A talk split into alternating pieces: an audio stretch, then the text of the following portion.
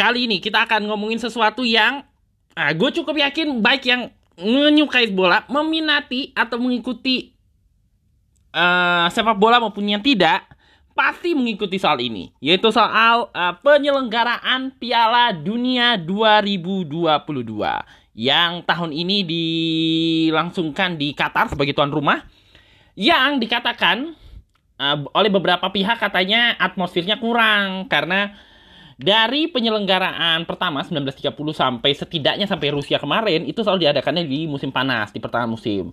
Tapi memandangkan uh, Rusia eh bukan Rusia ya. Tapi memandangkan Qatar ini kan Timur Tengah ya dan daerah gurun yang daerah gurun. Maaf agak tipu. Yang agak kita tahu lah su uh, matahari kayak gimana uh, yang menyebabkan akhirnya ini adalah untuk pertama kalinya sejak sejarah Piala Dunia diadakannya di luar waktu yang ditentukan. Kalau Juni dan Juli kan peralihan untuk musim ya, musim pertandingan bola di Eropa gitu ya. Kurang lebihnya bener gak sih? Ya. Uh, Liga Inggris, Liga Italia, Liga Jerman itu selalu diadakannya di awal musim panas atau pertengahan musim panas kalau tidak salah. Atau di akhir musim panas. Sekitaran Juli atau Agustus ya lagi libur, terus adalah Piala Dunia 4 tahun sekali. Tahun ini dipotong karena uh, karena situasi uh, Qatar yang berada di dan Timur Tengah pada umumnya yang sedemikian sehingga diadakannya menjelang akhir tahun. Yang sebenarnya biasanya tuh liga masih berlangsung, kompetisi kayak ya yang tadi gue sebutkan tuh masih berputar. Kalau Liga Indonesia kan sesuai keadaan dan moodnya Liga Indonesia Baru dan PSSI ya. Nah, uh, by the way, uh, Liga si Piala Dunia ini menjadi cukup menarik karena ini pertama kalinya diadakan di negara uh, yang penduduk diadakan di negara dengan penduduk uh, Islamnya cukup mayoritas. Pertama kali diadakan di Timur Tengah dan pertama kali adanya aturan-aturan yang uh, bisa dibilang lumayan ketat lah. Yang ternyata tidak semua peserta bisa memahami aturan tersebut. Uh, dan sebenarnya uh, keramaian soal Piala Dunia ini bu, uh, udah dari awal penyelenggaraan yang banyak yang yakin ini sebenarnya lebih ke iri aja gitu. Beberapa pihak merasa ya ini mah irinya pihak Eropa aja gitu karena pertama-tama udah mah Piala Dunianya diadakan di teng di waktu yang biasanya kompetisi Eropa lagi muter, di sisi lain negaranya terbilang cukup ketat gitu ya aturannya karena harus menyesuaikan juga kondisi di Qatar dan Timur Tengah pada umumnya yang memang uh, budaya dan Islam sebagai agama mayoritas di sana yang memang telah mempengaruhi kehidupan di sana gitu. Ya, namanya juga tanah para nabi gitu ya. Sehingga banyak yang merasa kayak tidak tepat gitu pemilihan Qatar sebagai tuan rumah. Dan makanya di ketika ada isu uh, pekerja meninggal diramein terusnya ada isu pekerja yang uh, bayaran kurang diramein dan sebagainya dan sebagainya. Ya walaupun isu kematian pekerja itu memang diakui pada akhirnya oleh pihak panitia penyelenggara atau official uh, komitinya Piala Dunia Qatar tapi jumlahnya jauh daripada yang dilaporkan media-media Eropa media Eropa itu menyebut uh, Piala Dunia uh, persiapan Piala Dunia itu memakan korban hampir puluhan ribu. Makanya ada yang bilang wah ini pasti ada pelanggaran HAM dan segala macamnya. Nah, dari laporan uh, yang kemudian akhirnya dibuka oleh panitia penyelenggara di tengah-tengah apa sih namanya penyelenggaraan itu sendiri ternyata tidak sebanyak itu. Nah, terus orang bingung dong. Ditambah lagi, nah ini dia salah satu yang uh, bukan salah satu ya. Sedemikian banyak daripada uh, hal-hal uh, yang membuat uh, media terutama sekali kalangan sepak bola barat barat terutama Eropa itu merasa aneh bener deh si Qatar nggak apa ya namanya nggak bisa menyesuaikan budaya sepak bola di sana atau budaya yang selalu ada setiap Piala Dunia gitu. Malah dianggap memaksakan budaya mereka sendiri sesuatu yang belakangan juga disayangkan oleh sejumlah pihak seperti salah satunya uh, Arsene Wenger. Arsene Wenger uh, adalah pelatih pelatih legendanya Arsenal. Itu dia ngomong di salah satu forum diskusi. Kan Piala Dunia itu kan selain ada pertandingan uh, yang diikuti 32 negara sekarang uh, saat gua ngerekam ini ini udah masuk bab masuk babak 8 besar. Penentuan menuju semifinal. Nah si Arsene Wenger bilang uh, ini gua nonton di Al, Al Jazeera dia bilang bahwa kira-kiranya adalah uh, kebanyakan tim-tim yang ikut Piala Dunia ini lebih mementingkan uh, ego politiknya ketimbang uh, ngurusin bagaimana strategi untuk memenangkan pertandingan. Lebih kepada pengen keinginannya pengen uh, apa sih namanya budaya mereka dihormati oleh tuan rumah gitu. Ketimbang bagaimana mereka bisa menguasai pertandingan gitu kurang lebihnya. Nah beberapa kekesalan yang dilontarkan si Arsene Wenger ini sebenarnya dipicu oleh ya seperti yang tadi gue bilang keinginan dari lebih tepatnya sih uh, keinginan daripada negara-negara peserta daripada peserta-peserta Piala Dunia terutama sekali dari Eropa yang ingin budaya keciri khasan yang selalu identik yang selalu mereka bawa uh, euforia yang selalu mereka bawa baik oleh pemain uh, official ataupun fans uh, setiap Piala Dunia ini ingin dipenuhi gitu permintaan mereka. Budaya yang mereka pengen bawa bisa dibawa gitu ke area Piala Dunia. Uh, sekalipun mungkin negaranya uh, apa sih namanya sebegitu mungkin merasa bahwa budaya-budaya itu tidak sesuai dengan negara mereka gitu. Ya istilahnya memaksakan budaya mereka ingin yang selalu mereka bawa kepada negara yang secara ciri khas, secara prinsipal, uh, secara apa sih namanya tata adatnya me menginginkan bahwa ha, kita oke okay lah kita ya kalau Katarnya sih istilahnya kalau dari Katarnya oke okay lah kita kasih nih kita bikin nih pertandingan internasional. Tapi lu harus ikut nih aturan-aturannya. Apa sih namanya harus mematuhi e, norma-norma yang ada. Nggak boleh alkohol nggak boleh boleh diminum di area fans tapi nggak boleh dibawa ke stadion.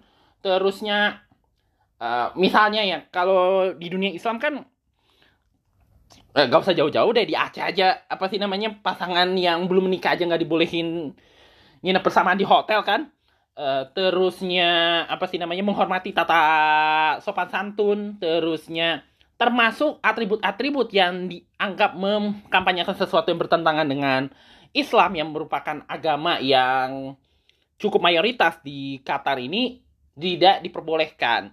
Bahkan kalau nggak salah ada salah satu pejabat Qatar atau tokoh Qatar gitu bilang kami nggak mungkin me, apa sih namanya melonggarkan ini semua hak. Uh, apa sih istilahnya? Bahasa lebih tepat ya. Ya ya kali lah gue harus me apa sih namanya ngeskip semua norma-norma yang ada hanya demi 28 hari penyelenggaraan gitu kurang lebihnya. Hanya demi memuaskan uh, tamu-tamu negara gitu. Kami punya prinsip, kami punya aturan, kami punya norma yang harus ya mestinya lo harus hormati. Gitu.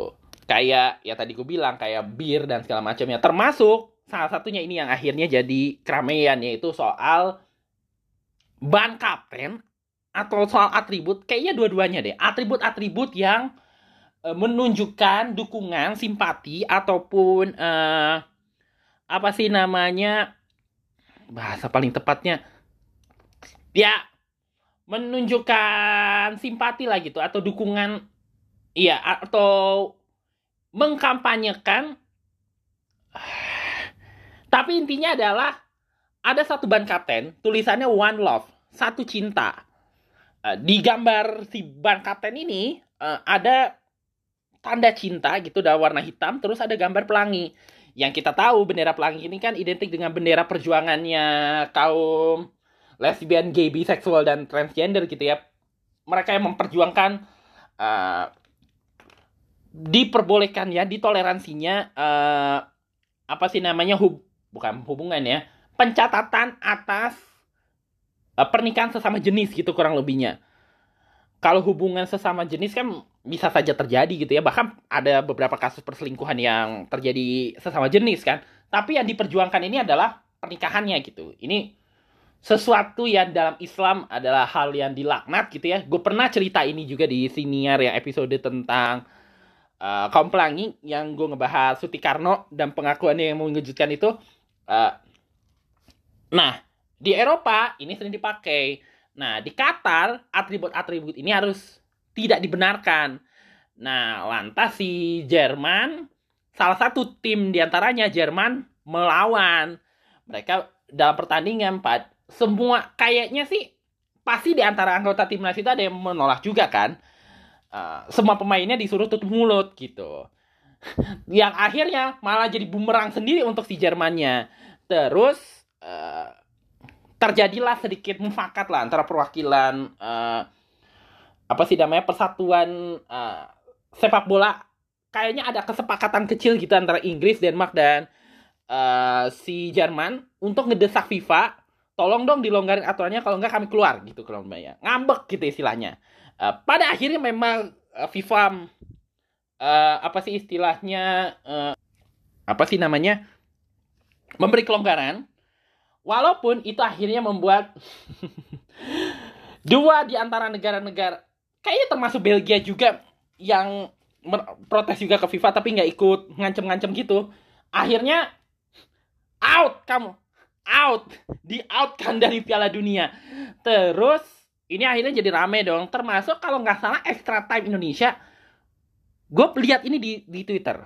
Dia nulis kira-kira gini uh, pada ngurusin benderanya sih daripada skill bolanya gitu. Uh, untuk rekor uh, Jerman ini sempat seri satu kali terusnya dia sempat menang nggak ya? Tapi intinya dia kalah satu kali, seri satu kali. Kayaknya kalah lagi deh. Lawan Costa Rica. Yang akhirnya Costa Rica juga pulang karena uh, selisih jumlah golnya berbeda. Uh, uh, apa sih? Terlampau jauh lah dibandingkan Jepang dan Spanyol. Walaupun akhirnya semua anggota dalam grupnya si Jerman, Spanyol, uh, Costa Rica dan Jepang ini gak lolos. Terus si extra time apa sih namanya komen lagi. Ah banyakkan drama sih tapi gak bisa masuk delapan besar semuanya.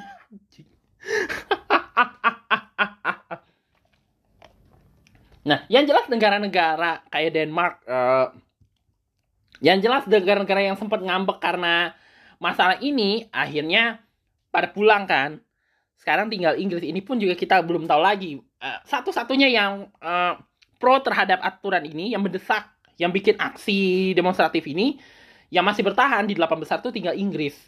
Itu pun kita belum tahu lagi nasibnya kayak gimana gitu kurang lebihnya ya. Uh, dia ada di delapan besar bersama dengan Portugal, Argentina, Prancis, Kroasia, benar Kroasia, uh, terusnya Maroko yang cukup mengejutkan juga salah satu negara yang mengejutkan bisa masuk delapan besar dan dikatakan wakil Afrika keempat yang masuk ke uh, babak delapan besar Piala Dunia 2022. Nah, uh, di sisi lain uh, Prancis, nah by the way Prancis ini sebenarnya juga sempat uh, didesak gitu kurang lebihnya. Uh, kayaknya dari timnasnya, dari persatuan sepak bola Prancisnya juga sempat didesak sama si uh, pihak uh, Kementerian Olahraganya Prancis untuk ikut dalam gerakan One Love itu sendiri mendorong agar uh, mengkampanyekan One Love di Piala Dunia Qatar. Tapi mereka mengatakan is no lah kami lu udah gila kali lah lu suruh pakai ini di negara penyelenggara di negara yang maksud gua mungkin si FFF-nya juga berkata FFF ini by the way adalah federasi sepak bolanya di Prancis ya, sama kayak PSSI tapi PSSI-nya Prancis. Mereka bilang kira kira-kira adalah kira-kira gini. Ya, hey Kementerian Olahraga Prancis, lu udah gila kali ya? Ah, suruh pakai mengkampanyekan beginian di negara yang di Piala Dunia yang diselenggarakan di sebuah negara yang jelas-jelas uh, uh, hukum agama hukum negaranya tidak membenarkan hal-hal yang kayak gini gitu. Jangankan untuk melakukan me menyampaikan sesuatu yang mengarah pada menganjurkan hal-hal yang tidak di sebenarnya seperti LGBT dan segala macam aja. Adalah sesuatu yang gila gitu. Sesuatu yang nantangin gitu.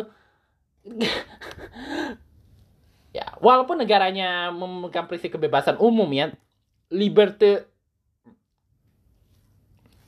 Egla dan segala macamnya. Tapi mereka juga tahu bahwa ini negara punya prinsip, punya norma.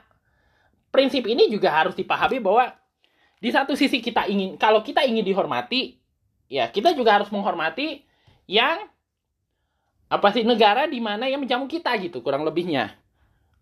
Sesuatu yang sebenarnya cukup menarik gitu ya. Uh, melihat dinamika yang berkaitan dengan uh, konflik budaya dan politik bendera yang berlangsung uh, di Piala Dunia. Uh, sebenarnya protes di luar isu bendera itu juga banyak sekali dinamika yang berlaku di Piala Dunia.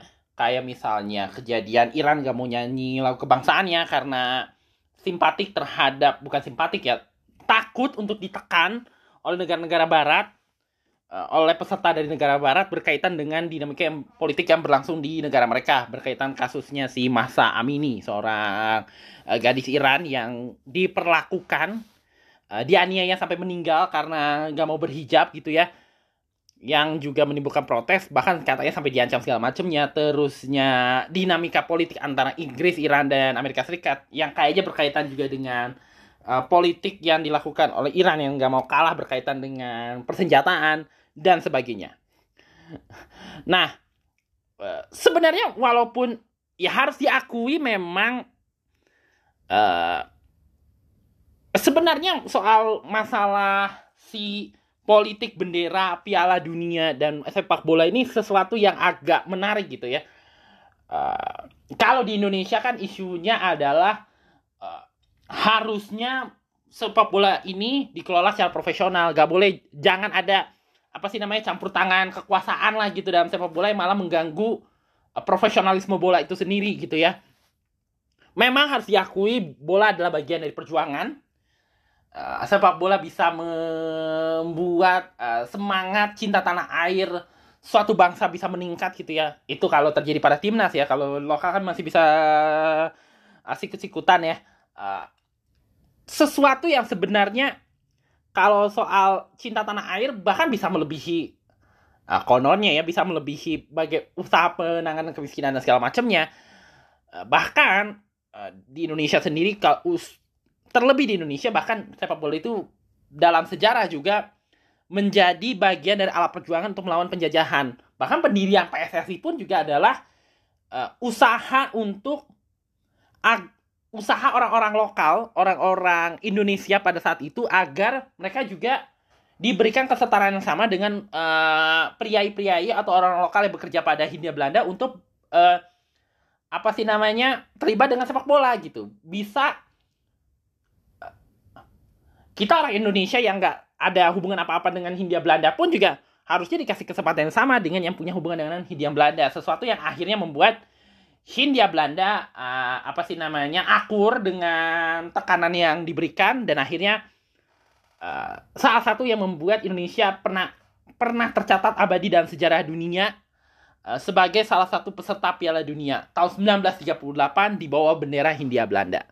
Bahkan juga beberapa tokoh-tokoh perjuangan kemerdekaan kayak Bung Karno, Bung Hatta, Syahrir Tan Malaka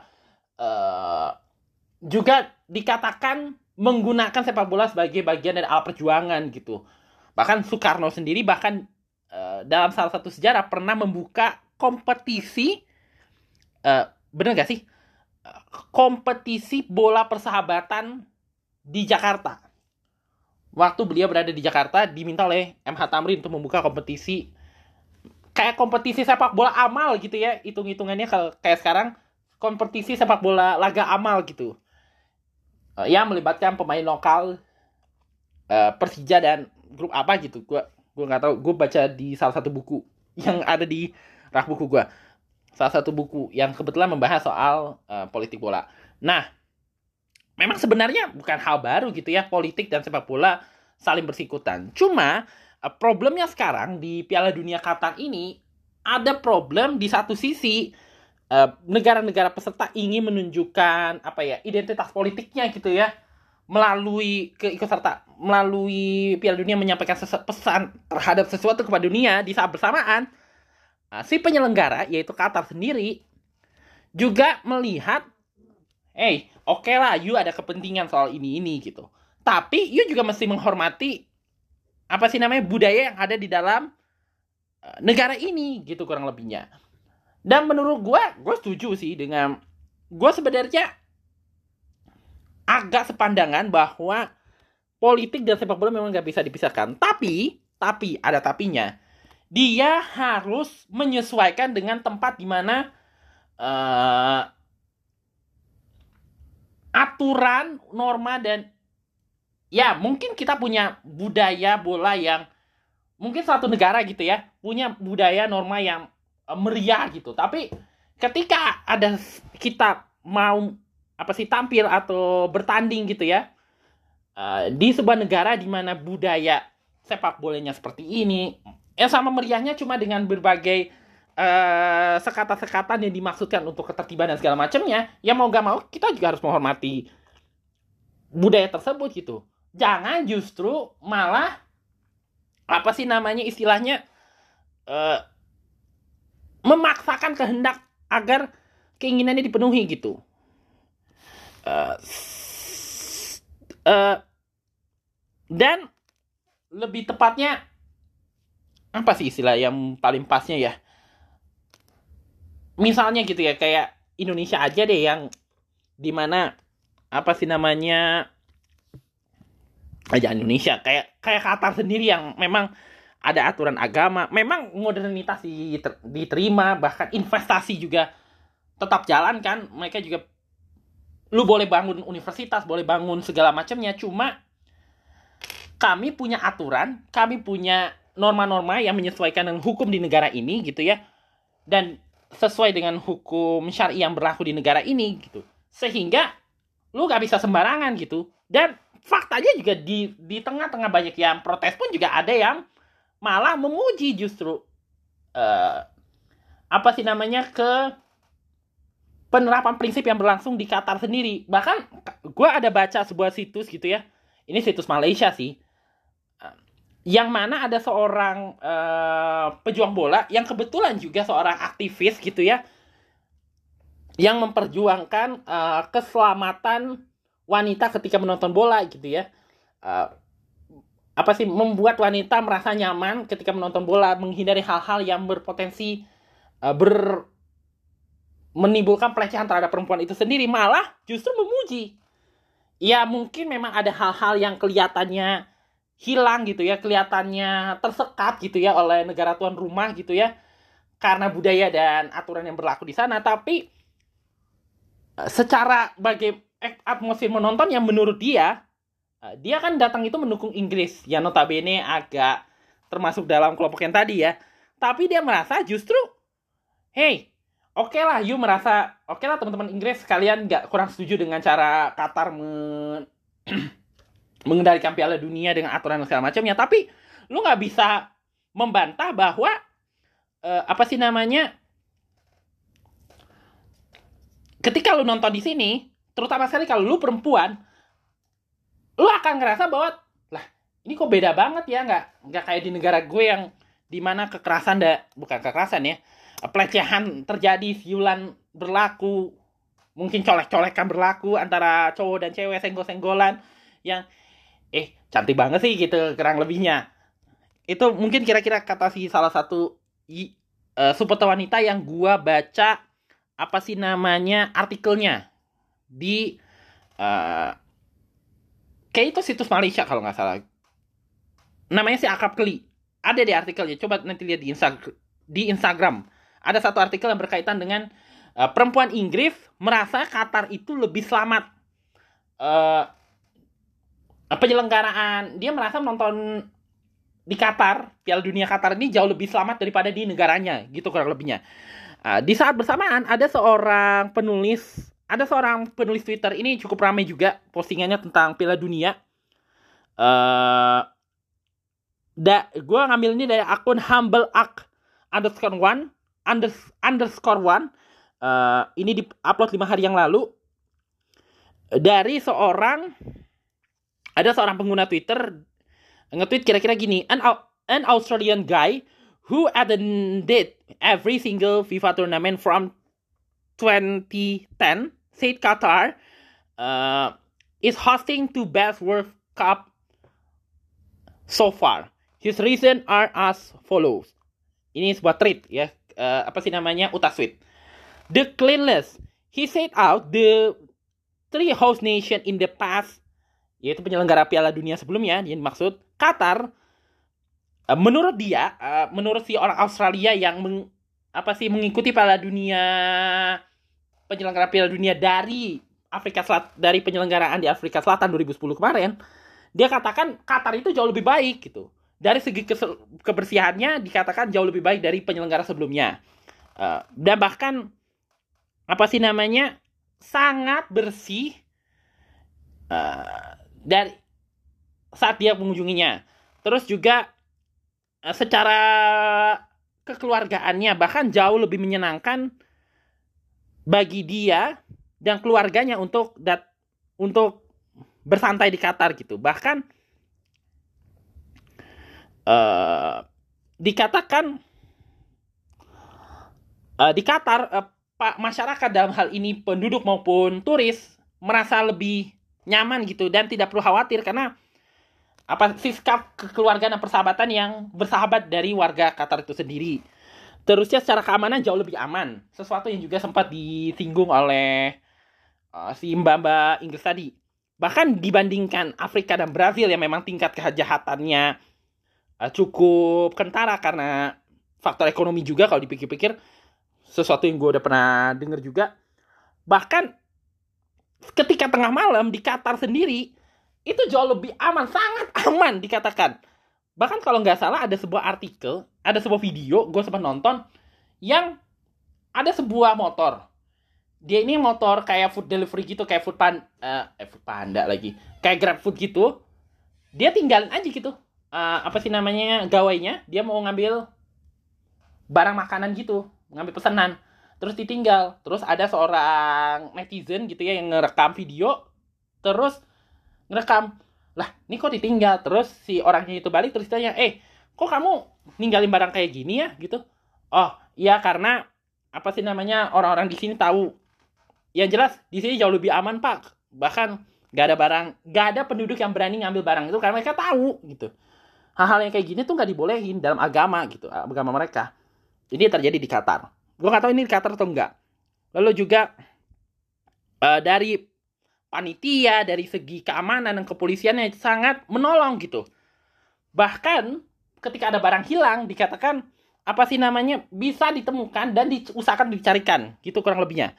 Uh, dari pelayanan hospitality-nya uh, cukup memuaskan.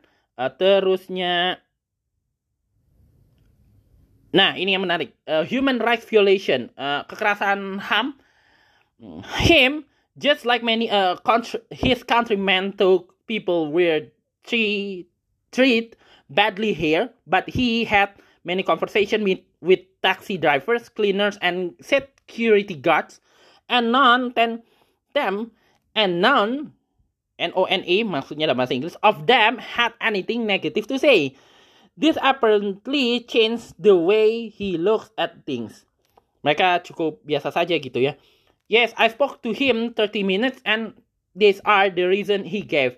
He also told, told his friends and family that the media did nothing but lie about Qatar and Middle East. Uh, dia merasakan apa yang diomongkan media terhadap Qatar dan penyelenggaraan Piala Dunianya termasuk soal HAM itu gak kerasa gitu ketika bicara dengan si penduduk lokal tersebut. Ini panjang banget uh, tweetnya.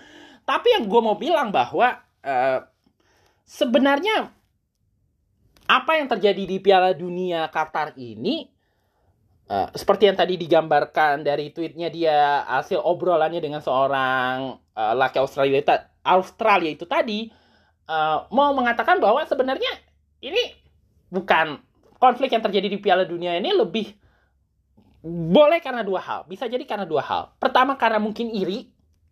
Ngiri yang karena mereka selama beberapa tahun terakhir hampir gak pernah dapet bagan untuk menyelenggarakan Piala Dunia. Dan kedua mungkin ya mungkin karena ya kita tahu lah negara-negara Eropa dan Timur Tengah ini ada sejarah yang kurang baik dalam hubungan uh, antar mereka gitu ya. Sesuatu yang sebenarnya bukan terjadi pada saat Islam saja sesuatu yang terjadi bahkan jauh sebelum era Islam.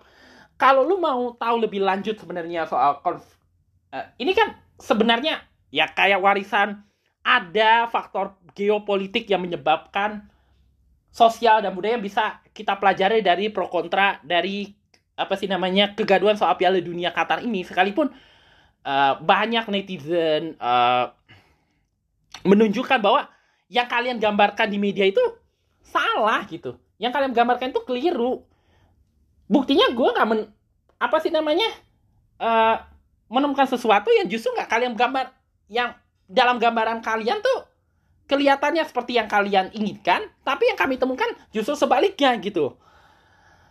Tapi ya justru di sisi lain, di satu sisi um, ada usaha media membuat framing bahwa uh, Piala Dunia Qatar ini bermasalah di saat bersamaan berita-berita yang kayak gini tuh justru membuat mereka-mereka uh, yang ingin um, tahu tentang Piala Dunia atau ingin menonton Piala Dunia jadi makin penasaran. Ah, ayo bener nih berita kayak gini dan akhirnya bahkan ketika mereka datang kok gak seperti yang dipropagandakan ya gitu kurang lebihnya uh, sehingga kita bisa berkesimpulan bahwa apa yang terjadi di Qatar Piala Dunia dan uh, pergulatan yang terjadi ini sebenarnya sesuatu yang gak bisa kita pisahkan juga dari uh, percaturan geopolitik, sosial dan budaya yang berlaku di antara Timur Tengah dan Eropa gitu. Karena ini yang ter yang terlibat dalam konflik ini kan antara penyelenggara Piala Dunia dalam hal ini Qatar yang merupakan salah satu bagian dari negara Timur Tengah dengan uh, Eropa gitu yang merupakan sebagian negara Eropa yang protes dengan aturan Piala Dunia kali ini yang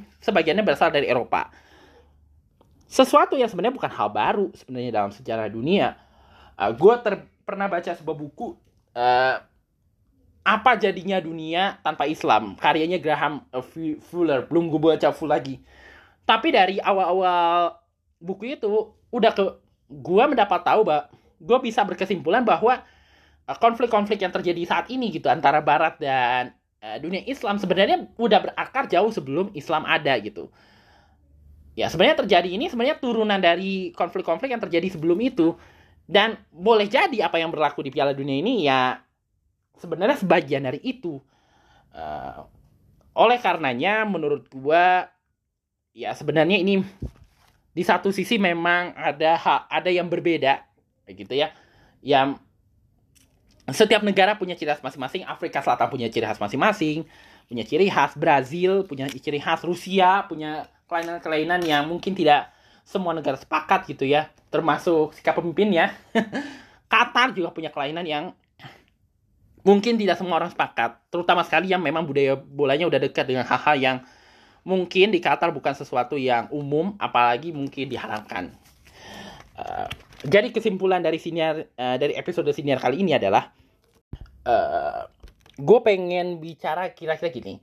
Uh, bola itu kan bisa menjadi alat perjuangan. Alat untuk apa sih namanya sepak bola dan olahraga sebenarnya bisa menjadi alat untuk meningkatkan semangat uh, kebangsaan gitu. Semangat cinta tanah air. Semua warna semua bangsa semua golongan semua jenis kelamin bisa disatukan lewat olahraga apa pun bentuknya termasuk sepak bola. Sesuatu yang sebenarnya semangat yang diusung oleh Piala Dunia Qatar. Eh, sebagai negara yang memiliki budaya dan Islam yang sangat kental eh, tentu unsur-unsur keislaman sangat jadi sesuatu yang hal utama. Eh, gue tau gue sebagai seorang muslim juga memahami bahwa ada bahkan mungkin udah sering kita belajari bahwa pasti ada hal-hal yang dalam dunia Islam itu kita bisa memahami dan kita bisa harusnya bisa melakukan, mungkin bagi orang-orang di luar Islam terlihat kok aneh banget gitu. Justru eh, gue setuju dengan eh, pesan dalam pembukaan Piala Dunia. Gue kan sempat nonton ya. Eh, ada satu dialog menarik. Si dalam pembukaan Piala Dunia itu kan ada dua sosok yang muncul dalam sebuah show itu ya sosok ini adalah aktor Morgan Freeman berbincang dengan seorang tokoh yang cukup terkenal asal Qatar, seorang disabilitas yang juga duta Piala Dunia. Terus si Morgan Freeman-nya bilang kayak gini, setelah itu terlihat sekali kita semakin jauh gitu. Sering sekali berkonflik dan segala macamnya gitu. Ada pandangan-pandangan yang menjauhkan kita dari persaudaraan. Bagaimana ya caranya untuk uh, si kata si Morgan Freeman gimana caranya untuk menyatukan bangsa-bangsa yang berbeda uh, walaupun terdapat perbedaan politik, pandangan budaya, uh, agama, suku dan agamanya. Terus si si orang Qatar ini tadi gue lupa namanya siapa. Terus dia melantunkan uh, penggalan ayat dari Al-Hujuh. Surah Al-Hujurat ayat 11 yang mana aku telah memasangkan kamu atas laki dan perempuan dan telah kami jadikan setiap orang manusia itu berbangsa-bangsa bersuku-suku agar kamu saling mengenal satu sama lain.